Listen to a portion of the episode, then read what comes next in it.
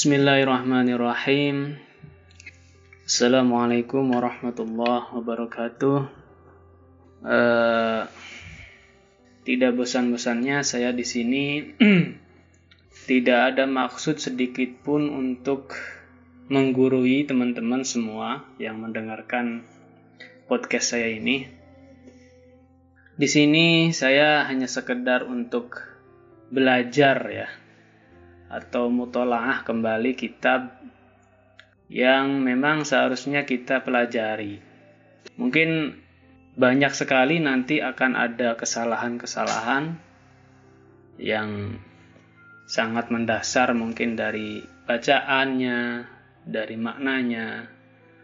Jadi saya sangat berharap teman-teman dengarkan ini memberikan koreksi Sekali lagi saya tidak ada maksud untuk menggurui sedikit pun. Ini hanya sekedar pembelajaran saya sendiri yang saya dokumentasikan.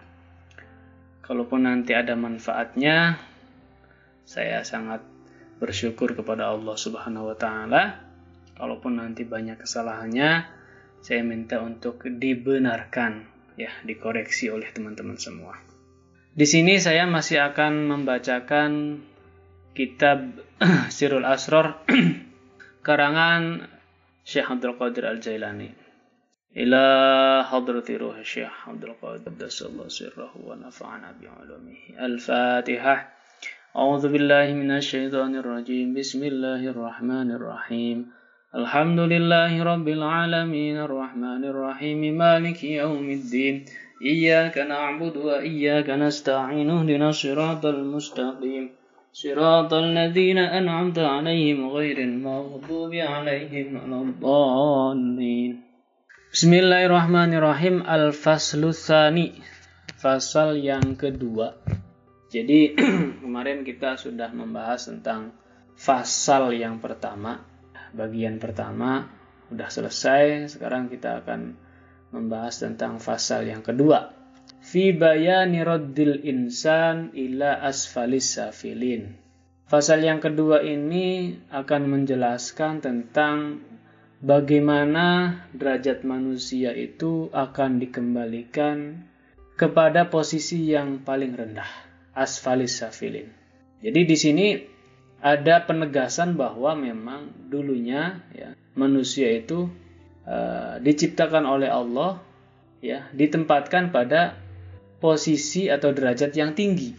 Kemudian oleh Allah ya diturunkan atau dikembalikan raddil insan diturunkan atau dikembalikan atau apa di downgrade ya ke derajat yang paling rendah. Ada apa sebenarnya? Lama khalaqallahu taala ar-ruhal qudsi. Ketika Allah Subhanahu wa taala menciptakan ruh qudsi, ruh yang suci fi ahsani taqwim dalam bentuk yang sangat sempurna fi alamil lahud di alam lahud. Jadi mula-mula Allah Subhanahu wa taala menciptakan Ruhul Qudsi dalam bentuk yang sempurna di alam lahud. Thumma arada ayyaruddahu ila ilal asfal. Kemudian Allah menghendaki menurunkan derajat Ruhul Qudsi itu kepada derajat yang rendah li ziyadatil unsiyati wal kurbiyah. Karena apa? Karena bertambahnya ya rasa senang dan rasa kedekatan dengan Allah. Jadi karena Ruhul Qudsi itu sudah merasa nyaman, ya, merasa dekat dengan Allah, akhirnya oleh Allah Ruhul Qudsi ini malah diturunkan ya posisinya. Kenapa? Ada apa gitu ya. Kama qala ta'ala seperti yang difirmankan di dalam Al-Quran oleh Allah Subhanahu wa Ta'ala, "Fi maq'adi sidqin 'inda malikim muqtadir." Ketika Rohul Qudsi itu ditempatkan pada posisi yang sangat tinggi, inda malikim muqtadir ya. Di samping Allah, zat yang menguasai dan maha berkuasa. Surah Al-Qamar ayat 54 55. Kemudian raddahu awalan ila alamil jabarut.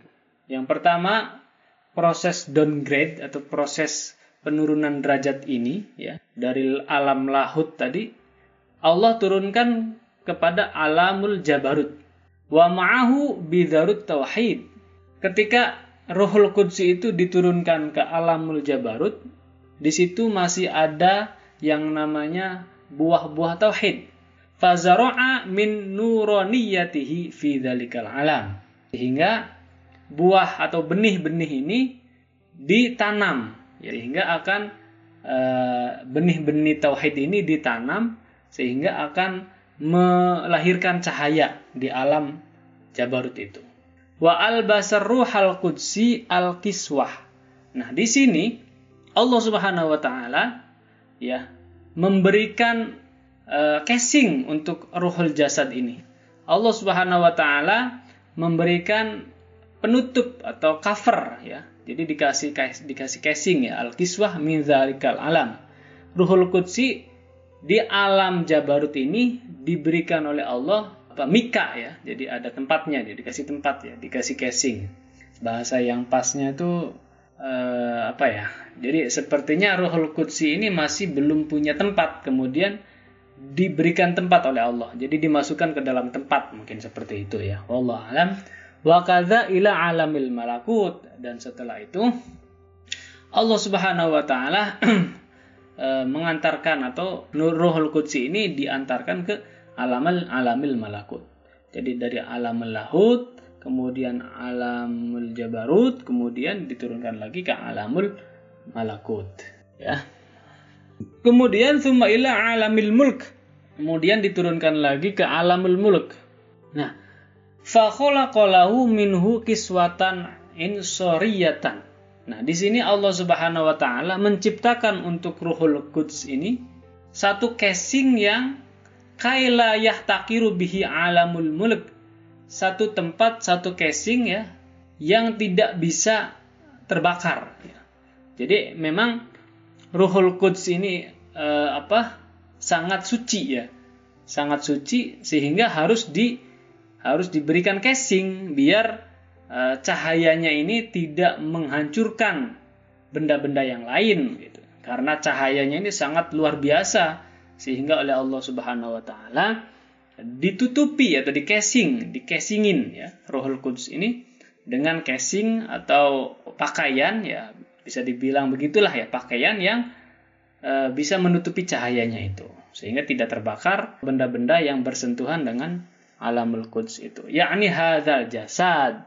Yang dimaksud casing di sini adalah jasadnya. Nah, casing di sini adalah jasad ya, dinamakan jasad al-kathif yang kasar. Jadi jasad kita ini ya, jasad kita manusia ini adalah casing dari ruhul quds yang ada di dalamnya. Sehingga eh, badan kita tidak akan hancur ya. Benda-benda yang lain pun tidak akan hancur dengan Ruhul Quds yang ada di dalam diri kita karena Ruhul Quds itu sudah di uh, casingin oleh Allah.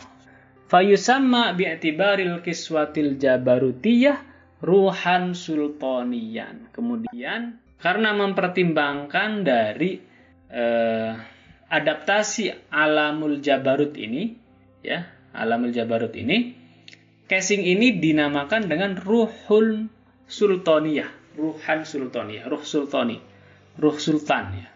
Wa bi'tibaril malakutiyah dan karena beradaptasi dengan ruhul malakutiyah dinamakan ruhan sironian, ruanian. Ada lagi namanya ruh sironian, ruanian. Wa bi'tibaril malakiyah ruhan jasmanian. Dan dengan adaptasinya ruhul jas ruhul quds ini dengan alamul malakiyah ya akhirnya ruh ini dinamakan ruh jasmaniyah. Jadi ada tiga. Yang pertama adalah dinamakan ruh sultaniyah ketika berada di alam jabarut, kemudian ruh sironiyah ketika di alamil malakut, dan ruh malakiyah ketika berada di uh, alam malakiyah. Ruh jasmaniyah, ruh jasmaniyah ketika berada di alam malakiyah. Ya. Jadi proses terciptanya manusia itu benar-benar eh, Allah Subhanahu wa taala memperjalankan proses yang sedemikian rupa ya. Jadi dari Ruhul Kudus ya turun menjadi ruh sultan ya dinamakan ruh sironia kemudian baru ruh jasmania seperti itu jadi Allah Subhanahu wa taala adalah zat yang maha sempurna. Tidak ada ya apa pun yang ada ya, melebihi kesempurnaan Allah. Ya sehingga karena kesempurnaannya inilah tidak ada seorang makhluk tidak ada seorang manusia pun yang mampu ya menangkap menampung kekuasaan Allah ini. Seperti yang kita pernah dengar dalam cerita Al-Quran, ketika Nabi Musa dengan lantangnya ya, ingin melihat Allah secara langsung. Dan Nabi Musa ini ya kalau dalam bahasanya orang Indonesia agak songong gitu ya, agak songong. Jadi nantang, pengen ya Allah, aku ingin melihatmu. Kata Allah, silakan kamu lihat gunung itu. Kalau gunung itu tetap berdiri kokoh, maka kamu akan bisa melihat aku. Ternyata ketika Allah tajalli, ternyata gunung itu langsung meledak dan Nabi Musa langsung tersungkur memampun kepada Allah. Tidak. Jadi manusia sekalipun kedudukannya seorang nabi seperti Nabi Musa ini tidak akan mampu ya ingin melihat langsung Allah. Makanya kita ini Eh, harus bersyukur kepada Allah Subhanahu wa taala kalau kita mengerti bahwa yang ada di dalam diri kita itu apa. Saya tidak akan tidak akan menjawab. Silakan teman-teman simpulkan sendiri seperti yang tadi sudah dijelaskan dari awal. Meskipun itu melalui beberapa proses ya teman-teman.